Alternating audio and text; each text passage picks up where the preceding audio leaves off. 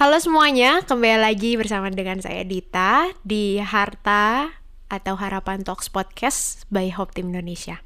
Kali ini kita mau ngobrol-ngobrol bareng nih, sudah kedatangan tamu spesial. Halo Berta, apa kabar? Hai semuanya, baik baik Dit. Gimana gimana? Coba kenalin dong ke teman-teman Harta asik. Halo teman-teman Harta, kenalin aku Berta, temennya Dita, teman SMP ya kita Dit. Ketemu lagi hari ini. Thank you loh udah diundang ke sini. Thank you banget udah datang juga ke sini. Terus uh, kita juga mau sharing-sharing di sini sama teman-teman Harta juga. Sip sip. Karena tiap orang kan punya apa ya experience yang beda, inspirasi yang beda. Asik. Bahasanya uy. Gimana Ber? Coba introduce yourself biar teman-teman Harta pada tahu kamu kerjaannya apa atau mungkin ada ngebakul mungkin ya kayaknya. Ngebakul. Silakan. Ya, jadi aktivitas aku sekarang aku kerja di salah satu perusahaan di Bandung. Terus di samping itu juga aku punya usaha, usaha bakul bakso namanya. Boleh dong di follow Instagramnya. Asik. Apa Instagramnya sebutin? Bakoel bakso underscore BDG. Wede. mantap. Di follow guys. Jadi itu aku produksi bakso sendiri. Jadi aku eh, jualnya bakso frozen gitu. Ada bakso isi polos, bakso isi keju, cabe, eh, daging cincang, telur, gitu macam-macam mantap, di. Kamu kenapa nggak bawa? Ih. Bercanda. gitu. Terus selain itu juga aku ngajar les privat. Jadi Mantap, mantap. dari SD sampai eh dari TK bahkan dari TK Oh, lu ngajar S1. dari TK? Bukan, Bu. Maksudnya ngajar TK. Ah iya. TK, SD, SMP, SMA, bahkan ada yang S1 juga. Terus Is, ada bahasa juga. Cuma nggak gua nggak gua sendiri sih. Ada teman-teman juga yang ikut ngajar gitu. Yes, mantap. Semua orang sedang berjuang ya. Asik. Cakep. Jadi hari ini kita mau ngobrol-ngobrol bareng tentang luasnya edukasi di Indonesia. Asik. Gila berat Berat banget. ya. Setiap pokoknya setiap yang ke sini pasti berat banget bahas bahasa nge- yang ngebahas itu apa aja berat banget asik. Jadi eh, kita langsung ke to the topic ya. Asik. Boleh? Asik terus ya. Kenapa ya orang Indonesia selalu kalau misalnya merasa keren sendiri pasti ada asik. Terus menurut kamu nih seberapa penting sih edukasi untuk di Indonesia ini? Kamu kan ada pengalaman ngajar. Wah, kalau edukasi pasti penting banget ya. Kita seumur hidup kan pasti belajar. Belajar itu banyak banget. Ada yang formal, ada yang informal juga. Kalau ngomongin edukasi yang formal nih, aku kan eh, berkecimpung di dunia itu ya. Em, anak-anak zaman sekarang tuh lebih fleksibel gitu loh dit jadi eh, mereka bisa belajar lebih luas nggak kayak kita dulu kan kita dulu mentok-mentok buka Google gitu Mhm. tapi sekarang mereka bisa belajar dari sos- sosial media banyak informasi-informasi dari Instagram Semua gitu ba- kan banyak platform gitu ya. Aha, jadi mereka tuh lebih jauh lebih pintar gitu dari gurunya gitu. Jadi kerasa banget sih gurunya harus ngejar banget eh, informasi apa yang ada di mereka karena kadang mereka bertanya dan kita ha- mau nggak mau harus tahu gitu. Jadi tahu gimana cara menjawabnya dengan baik gitu. Jadi ilmu pengetahuan yang diajarkan di sekolah itu tiba-tiba mereka bisa mengembangkannya dan pertanyaannya lebih beragam gitu sih yang Beda sekarang. sama zaman kita nggak sih ya? Iya, kalau kita kan belajar A ya udah A doang gitu yang Iya, dibahas gitu. Kayak monoton gitu ya. Iya, kalau sekarang Sekarang udah kayak wah Beragam banget. Mm-mm, Betul-betul banget. gitu sih. Terus eh, kalau misalnya dilihat dari lingkungan lu sendiri, tadi Mhm. kan secara spesi- eh, spesifik ya Mhm. di Indonesia gitu, Mhm. gede gitu. Kalau menurut di lingkungan lu sendiri mendukungkah atau gimana? Karena kan beda-beda pendapat juga kan. Almost itu kayak gimana? Em, kalau di lingkunganku maksudnya eh, murid-murid yang gue ajarin gitu. Ya kayak gitu semua dit. Eh, tapi yang satu poin yang gue eh, perlu garis bawahi ya, gue rada eh, kurang gimana ya kurang puas sih sama kurikulum yang ada sekarang. Kurikulumnya kan berubah-ubah nih dit dari dulu kan. Nah, K13 kurikulum iya macam-macam. Nah, mulai dari buku tematik nih. Jadi kan waktu SD kan setelah zaman kita zaman kita kan dulu kan buku IPS beda sendiri matematika beda sendiri makanya kita berat banget kan membawa Iya. beban-beban itu di tas kita tuh udah gede-gede banget Udah sama badan kecil ya, tasnya gede. Nah, terus eh, abis angkatan kita tuh kan langsung berubah jadi buku tematik di mana banyak sekali eh, buku itu tuh mengandung banyak mata pelajaran yang digabung dan langsung diaplikasikan ke kehidupan sehari-hari. Jadi da- untuk dasarnya itu sangat kurang dit. Oh. Makanya ngaruh ke anak SMP, anak SMA yang sekarang mereka tuh nggak ngerti dasarnya. Kayak pemfaktoran nih misalnya di matematika. Mereka tuh nggak ngerti cara memfaktorkan, Iya, padahal iya. itu kan dasar banget gitu. Cara membagi, cara mengali, cara memangkatkan, bahkan ada yang belum ngerti. Jadi gua harus ngajar dari awal lagi, ngajar dasarnya itu sih yang gua kurang puas ya sama buku tematik atau sama apa kurikulum yang baru ini yang lebih mengajarkan soal aplikasi ke sehari-hari. Bagus sih, cuma yang itu sih yang gua- Basicnya ya, karena udah Basicnya terlanjur kurang. basicnya masih kurang banget Betul. ya. Menurut lu nih, kalau misalnya menurut gua kan kayak di Indonesia ini kan eh, lebih mementingkan nilai besar ya, yang membuat orang-orang jadi curang dan sebagainya Ya, gitu. betul, betul. eh gue termasuk lu adalah termasuk orang yang menurut gue menginspirasi gue juga karena lu pintar Wah, Dan ada maunya gue- nih. dan eh, gimana sih caranya biar apa ya lu tuh bisa karena kan tiap anak itu kan beda-beda ya mungkin dia passionnya bukan di Hmm. Betul. matematika atau Iya, iya. apa bahkan Indonesia ini gue benci sih karena gue nggak bisa matematika gitu maksudnya kayak kenapa sih gue nggak bisa gitu kenapa orang lain bisa gitu tapi ternyata kita nggak diajarin dari basicnya yang pada Hmm, akhirnya iya, kan iya. anak-anak juga Jadinya gitu lah. males. Iya, iya, iya, bener bener bener bener. lo lebih setuju nilai dikejar atau anaknya ngerti eh gini dit, jadi gue mah dari dulu emang dari orang tua tuh nggak pernah ada yang ngejar lu harus ranking ini, gue nggak pernah sama sekali. Bahkan gue eh, belajar sendiri dari gue kecil teh dari kelas 1 SD tuh gue udah belajar sendiri karena nyokap gue ngajarin adik gue juga kan. Jadi gue udah sendiri nih dilepas. Cuma gue diajarin sama nyokap gue cara belajar yang tepat. Nyokap gue eh, ngajarin gue untuk menulis, mencatat.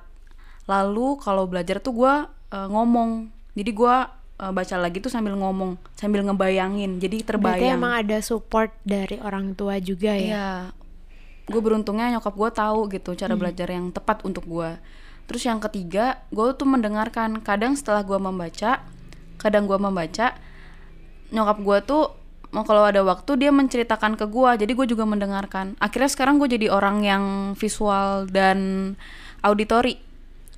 Jadi menurut gua eh prestasi itu bisa diraih kalau kamu ngerti cara belajar kamu yang tepat. Itu sih. Jadi ka- akan ngikutin nilai itu.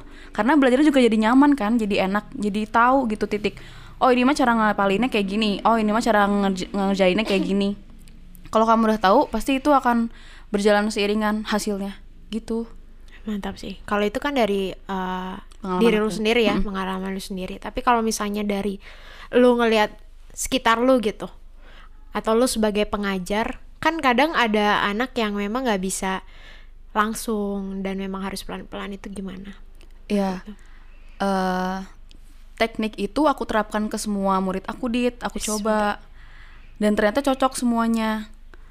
Kalau soal ada anak yang kinetik yang mereka bisa sambil gerak, ya aku juga ngajarinnya sambil gerak gitu. Hmm. berarti sesuai sama karakternya anak Iya, iya, aku sesuaikan sama karakter anak. Aku ngikutin bukan jadi belajar enjoy aja, fun aja, dibikin fun aja gitu. Jadi ada nggak sih yang serius banget Enggak, enggak ada. Aku ya satu setengah jam ngelesin bisa sampai dua jam, dua setengah jam. Kenapa? Datang ngobrol, curhat dulu, mereka curhat. Baru, ayo mau belajar apa? Baru belajar. Abis itu go food, santai aja dit.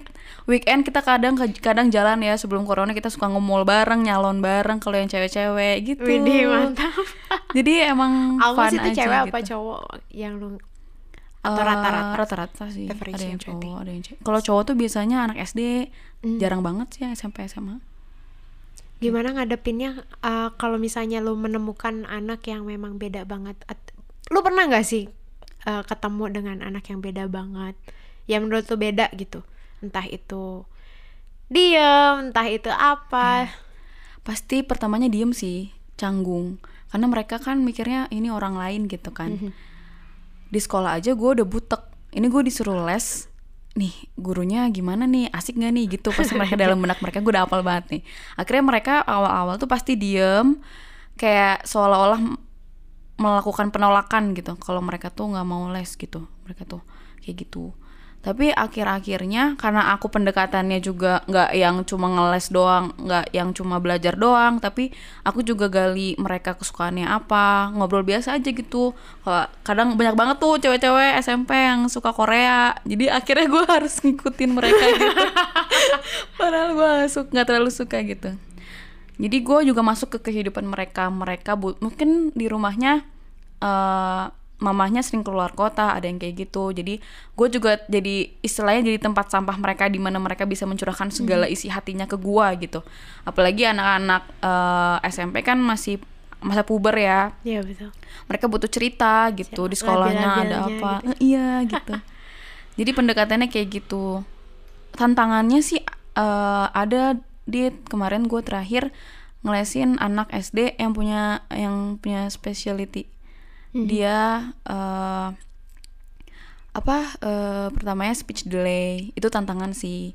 Tapi balik lagi ternyata pembelajaran soal mencatat mendengar dan berbicara itu tuh satu kesatuan satu paket yang bisa lo aplikasikan ke semua orang. Iya benar-benar. Tinggal kita atur gimana cara ngomong kita Mhm. gimana kecepatan kita gitu sih. Iya sih benar banget gitu ya. Dit. Gue kayaknya kebanyakan ngomong jadi kalau misalnya nyatet itu agak nggak sinkron gitu. Enggak sih tapi sekarang gue lagi suka writing gitu loh. Ah. kayak writing poems. Oh. Ya ada di Keren. Instagram gue asik cakep. Sebenarnya tahun ini tuh gue mau launching website kan blogger gitu loh. Cuma kayak nggak siap gitu karena entah ya apa gue karena perfeksionis banget atau Ah. gimana kayak butuh kedetailan gitu loh terus akhirnya kayak nggak launching launching pada teman-teman udah pada nanya kapan sih blognya keluar kayak gitu terus kayak kerasa oh ya ya berarti emang kayak berbicara speaking nyatu terus gitu. writing kayak gitu tuh emang penting banget harus Dasar. beriringan dan Iya, gue iya. juga belajar banyak itu gara-gara belajar bahasa Mandarin oh karena kan itu karakter tuh ya kita SMP belajar lah ya Iya. kita kebanyakan teori nggak sih sama lause pipin ya. halo Lause Pipin gimana gimana? Dan yang gue hafal cuma wo nih itu SMP ya. Gila itu. Lu sempet ngajar bahasa Mandarin juga tuh bahasa Mandarin untuk sekolah sih. Nggak soalnya jauh banget lah kalau sampai percakapan sehari-hari gitu. Oh gitu. Bahkan yang kuliah bahasa Mandarin pun langsung kerja langsung ngobrol sama orang China-nya langsung itu agak susah masih beda terbata-bata banget ya? beda Iya sih, banget, memang beda kita banget harus- teori sama praktek kita butuh native-nya juga kan Iya, ya kayak iya. contoh pas kita SMP iya kan bahasa Inggris aja Mr. Bernard, are you hear- hearing us? Mr. Nate? eh gue follow, gue follow Instagramnya Nate Gio. iya, gue juga dong. Gitu. Dia lagi di mana? Di Jepang atau di Amerika? Gue lupa. gitu deh Ya itulah. Hello. Rame sih ya. gitu banget kalau misalnya ketemu sama orang asingnya langsung yang bisa bahasanya sih emang kita jadi punya interaksi gitu loh. Maksudnya kayak ada small connected gitu nggak sih? Iya. Jadi kayak kita terbiasa. iya Menurut lo gimana? gimana tuh Dit? iya kalau misalnya bahasa mah ya yang dasar-dasar lah Mandarin sama bahasa Inggris gue juga rada kurang pede sih kalau ngajarin jadi ngik- kalau gue ngelesin tuh ngikutin pelajaran di sekolah aja sih gitu Oh gitu. karena kan kalau di sekolah mereka nggak bisa bebas nanya sama gurunya ya karena ada rasa malu kenapa yang lain ngerti kok gue nggak ngerti akhirnya gue Makanya- pendem pendem pendem Iya pendem sih. Makanya private itu penting ya. Maksudnya kayak eh, yang personal banget. Iya, Kadang kan enak. ya gue termasuk tipe anak yang males nanya juga. tahu kok nih ya gitulah. Tapi gue lebih suka action dan sebagainya. Mhm, ya lu lebih lebih nyeni ya dia dulu Nyeni, teater, guys. dance ya Kamu juga. apaan Terus akhirnya lu sampai di titik sekarang, Mhm. lu menemukan passion lu untuk mengajar. ya betul apakah itu menjadi suatu eh belum jadi kebebasan lu kayak sebagai profesi lu atau gimana Hmm. ada faktor lain yang tidak bisa meneruskan passion lu asik Mungkin dari awal gue cerita dulu ya kenapa gue bisa berkecimpung di dunia les privat Boleh, gitu. boleh. Jadi dulu tuh waktu kelas 2 SMA, gue diminta tante gue untuk ngajarin anak temennya. Mhm. Dia mau UN. Dan di situ gue bener-bener nggak punya gambaran kan. Eh, tapi sebenarnya waktu SMA gue pernah les privat. Mhm. Jadi eh yang penting mah ngejelasin apa yang diajarkan dulu- guru dulu deh gitu. So, ya udah akhirnya gua pun ngajarnya eh pakai metode yang eh, sesuai sama cara belajar gua. Jadi gua cuma menyampaikan aja nih ini caranya ngitungnya kayak gini loh gitu yang gua ngerti aja gitu. Dan akhirnya keterusan keterusan keterusan dan sampai sekarang masih gue jalanin gitu. Nggak nggak kerasa udah berapa belas eh berapa belas tahun ya. Berapa tahun ya? Lima enam tujuh tahunan delapan Gila. tahunan gitu. Dan dari awal gue nggak pernah memandang itu sebagai sumber penghasilan gue sih dit. Karena gue nge- ngejalaninnya happy gitu. Hujan badai gue tembus gitu anjay tolong diedit ya tolong dikat nah eh, apa tuh? Eh, panas juga gue terjang bahkan gue ngele ngelesin tuh sampai jam 10 malam gitu. Tapi eh gue merasakan gue menemukan kebahagiaan di situ gitu. Jadi eh, sekarang sampai sekarang gue eh, seneng di situ gue merasakan itu sebagai passion gue gitu mengajar membuat orang mengerti dan paham itu gue seneng banget. Em, apa ya terus punya banyak temen juga relasi banyak hal nggak nggak cuma ngajar doang gitu. Tapi gue juga dapat pengalaman baru dari mereka gitu. Terus hubungan sama orang tua mereka negosiasi evaluasinya kayak gimana deket sama mereka. Bahkan gue eh, sampai dianggap keluarga gitu sama mereka. Walaupun mereka walaupun mereka udah lulus dan lanjut eh, sekolah atau kuliah di luar kota gue sering banget diundang ke rumah mereka kalau mereka ada acara. Untuk men, apa ya? Me- menjalin Sila- ya, iya, menjalin silaturahmi. mempertahankan iya gitu. Hebat sih Gitu. lo. Gue suka. Iya, Cie, jadi suka. gue suka gaya lo. Gitu. Soalnya kan lagi rame-ramenya juga kan eh, kayak postingan tentang idealis passion. Hmm. Alah passion tut iya. Bultut like that gitu. Tapi aku aku nggak setuju sih karena iya. pengalaman menurut gua atau skill atau kemampuan yang kita cari di luar sana asik. Itu tuh lebih penting. Iya. Better than money. Iya. Iya. Betul. Gue setuju Dit. Berarti- Di- dalam kalau udah menemukan passion lu itu udah bakal enak aja gitu. Lu sedih lu bisa melakukan itu gitu. Eksplorasi. Iya, aneh sih sebenarnya passion gue kok ngajar ya. gue suka yang bingung, tapi pas ngajar tuh gue menemukan kebahagiaan gitu, suka cita di situ, gitu. ada terus dari pengalaman lu ngajar nih lu pernah nggak sih kerasa kayak bosen atau jenuh gitu padahal itu kan udah kayak titik sebagai aduh ini passion gue Iya, iya. gue harus tumbuh dan berkembang kayak gitu Bener. Bosan mah pasti ada ya, Dit. Kenapa bosan? Mungkin lebih ke jenuh kali ya, karena itu udah jadi rutinitas gue sehari-hari gitu. Jenuhnya di situ. Lalu eh, capek juga kan, kadang ngerasa itu. Tapi abis itu eh balik lagi ketika gue ngelesin, gue happy. Jadi bosennya mah paling cuma karena eh rutinitas gitu. Tapi karena abis diselang weekend, balik lagi happynya gitu gitu sih. Karena itu kalau ngelesin tuh kayak udah teratur aja gitu. Kalau kamu ngelesin kelas 1 SMP materinya kan akan itu terus. UTS UAS lama-lama kamu eh lama-lama kita kalau yang ngajar gitu bakal udah hafal soal-soalnya. Jadi kayak udah enak banget ngelesinnya. Terus kadang kan juga kita ngajar dua murid sama-sama kelas 1 SMP bisa saling tukeran materi bisa saling pakai satu sama lain gitu. Jadi makin luas lagi bahasan soalnya. Kalau misalnya untuk manage Mhm. kayak schedule gitu Hmm. sekarang kan lu kerja ya. Lu taruhnya berarti di weekend semua ya? Di weekend. Kalau mereka butuh weekdays malam-malam jam tujuan. Oh gitu. Dulu sebelum gua kerja eh, mereka bisa tanya free time banget ke gua Eh, siang-siang mereka tanya soal kayak ini gimana? Gua langsung bisa jawab tapi sekarang gua kasih pengertian ke mereka gitu. Gua baru bisa jawab malam-malam. Ini kan karena eh, si corona ini nih, pandemik ini ya, bikin segalanya berubah gitu. iya. Lu tetap eh, datang ke rumah untuk ngajarin face to face atau ada apa via lain lewat Google Meet kah, Zoom atau gimana? Iya, karena ada adaptasi kebiasaan baru ya.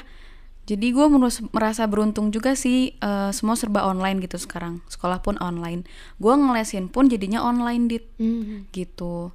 Tapi eh, untuk ada anak yang nggak bisa online, ya gue datang ke rumahnya dengan protokol kesehatan, tetap ngikut protokol kesehatan. Ada feel bedanya nggak sih waktu lu ngajar face to face sama online? Menurut gue ya, lebih enak face to face Iya. daripada online. Iyalah pasti. Karena kalau face to face tuh lu bisa ngobrol banyak hal. Bedanya se- di di situ sih Dit. Kalau soal materinya itu nggak ada perbedaan. Karena eh, gimana ya cara gua menyampaikan sesuatu itu sama gitu, nggak ada yang berubah. Jadi kualitas belajarnya tetap sama. Cuma bedanya karena pakai headset satu jam setengah itu lumayan lumayan panas aja gitu di kuping gitu kan. Panas. Jadi nggak bisa. Tapi hati-hati copyright. Enggak lah. Jadi tuh eh, berasanya pengen udahan aja. Udahlah ngeles ngelesin aja satu setengah jam gitu. Kalau face to face kan kita abis ngelesin tuh eh, bisa sambil cerita gitu, curhat gitu. Mungkin capek ya, lapar, tak apa Iya. gitu. Ini kan capek telinga juga, capek. Iya bener gak sih? Iya, iya beda banget. Gitu. Paling jauh lu ngajar ke mana? Wah, paling jauh. Kalau yang jauh-jauh sih gue kasih temen gue. Ah gitu, berarti yang dekat regionnya mereka gitu Iya, ya, areanya, betul. Areanya mereka Iya gitu. ada areanya. Mungkin teman-teman ada yang mau daftar jadi guru les boleh banget lah. Aku aku. Iya jadi eh, aku punya les privat namanya Hikari Private Course. Eh, dua tahun lalu aku cari kebetulan waktu itu aku punya murid tapi aku nggak bisa ngajar lalu aku cari-cari guru eh ternyata banyak banget teman-teman yang daftar mulai dari Unpad ITB apa semua universitas di Bandung tuh ternyata pada daftar. Nggak tahu mereka bisa nyebarin link. Jadi waktu itu aku bikin Google Form gitu. Bisa menjaring sampai 120-an guru. So aku bingung muridnya di mana. Muridnya nggak ada gitu. Tapi sampai sekarang ya lumayan lah kalau misalnya ada murid aku kasih mereka. Sekarang berarti total pengajar private lo ada berapa? kalau sekarang Di sih Hikari private course. karena oh, apa eh, corona gini ya eh, dan setiap tahun ajaran baru kan beda-beda. Mhm. Eh, mulai muridnya. Kalau sekarang yang aktif sih dikit baru empat. Empat sama Keren aku. Kaget sih. ya? Dari 100 jadi cuma empat. Nggak sih yang 100 itu cuma yang waktu dua tahun lalu itu loh. Dan aku juga kan sendirian nih untuk manage si Hikari private course-nya itu jadi untuk marketingnya belum aku polin jadi masih dari mulut ke mulut gitu dit Kayaknya the power of mulut ke mulut lebih penting. Eh maksudnya lebih efektif lah menurut Iya, gua iya, sih iya. daripada karena orang udah tahu kualitasnya kan Iya, jadi langsung yakin gitu nggak yang nanya-nanya dulu lah gitu jadi langsung aja Kabirta mau les gitu mamanya biasa kayak gitu 10 orang tawarkan, nanti yang satu atau dua pasti closing. Asik. Itu teori marketing. Iya. Tuh Mantap, Ber. Gue suka gaya lo asik. Thank you banget ya, Ber, udah mau datang ke sini. iya sama-sama thank you juga udah diundang ya dit Asik. Terus gimana nih pesan untuk diri sendiri Hmm, dan untuk para pendengar harta? berat eh pesan untuk diri sendiri Harapan kamu. gini dit gue ya eh, akhir-akhir ini menemukan bahwa hmm, semakin tua teman kita tuh semakin dikit gak sih? Yes, of course. ya. Circle kerasa kita banget kerasa banget. Yang tadinya soalnya gue baru lulus kan. Jadi kayak waktu SMA temen gue banyak banget. Bersisa 10 orang. Maksudnya ada benar-benar deket, benar-benar deket ya. Dan itu tuh gue bersyukur juga sih maksudnya masih punya teman SMA gitu yang masih berhubungan sampai sekarang. Kuliah juga walaupun gue seangkatan cuma satu kelas karena gue jurusan baru 40 orang itu tuh kerasa banget kan main main bareng Iya betul. kerja bareng kerja kelompok seru-seruan terus sekarang pas lulus bener-bener sendirian dit berjuang sendiri gitu yang gua harapkan dari diri gua sih gua sa- gua semakin mencintai diri gua gua lebih menemani diri gua Asik. supaya gua nggak merasa sendiri gitu terus Iya, love yourself itu ya penting. gitu lebih sayang sama diri gua dengan cara merawat diri gitu. Menyayangi diri dan nggak terlalu memforsir ya. Karena dulu kalau gue bayangin ya dulu waktu kuliah gue berangkat misalnya jam 7 nih kuliah sampai jam 5 lanjut ngelesin sampai jam 10 malam tanpa istirahat gitu. Padahal gue pakai otak gua gitu. Maksudnya fisik gua untuk naik motor gitu keliling Padahal Bandung. fisik juga butuh Iya istirahat. istirahat. itu bener-bener yang gila ya gue tuh berjuang banget loh makasih ya gue gitu Iya. ini gue makasih ba- Thank you, makasih Bi. buat diri Asik. gue sendiri gitu Iya bener banget. Gue juga kerasa sih waktu SMA itu kayak lepas SMA juga Mhm. kayak gue kan termasuk eh, berkecimpung dalam dunia seni, Mhm. entertainer juga kan. Kayak ke Jakarta, Bandung itu tiga hari Wis. dan gue pernah nggak mandi coy. Jadi Gila. cuma cuci muka doang terus balik lagi ke studio televisi dulu zaman dulu kan Oh, lagi iya? ramenya iya. Wih, keren banget Ah, ya, jadi malu. Gila, keren Terus akhirnya kayak tertarik dengan gue bantu ceritain Hope Indonesia ini ya. Tertarik eh, bakso sebenarnya udah lama banget, tapi karena gue nggak punya uang, coy. Hmm, Gue nggak punya uang, terus akhirnya pas SMA itu ada jalan kerja lah di salah satu bank. Terus di 2017 itu gue bikin komunitas. Awalnya cuma seorang, cuma seorang. Terus ada teman-teman yang loh kenapa kamu sendiri? Orang ada orang lain gitu. You're not alone. Terus akhirnya baksos sampai akhirnya sampai sekarang gara-gara corona ya, corona kemarin sih sempat charity juga buat anak kayak ke tukang beca ke pemulung kayak gitu. Terus akhirnya teman-teman kemarin juga ada Hope Talk yang live streaming gitu. Ada yang beda negara sampai beda negara dan sebagainya itu. Oh terus akhirnya teman-teman ada yang suruh masukin kayak kenapa lu nggak podcast aja? gitu. Nggak punya alatnya. Terus, akhirnya disponsori alo sama alo ego asik. Ini operatornya. Wih, jadi halo operator. Loh. Kasihan deh kalian nggak bisa lihat.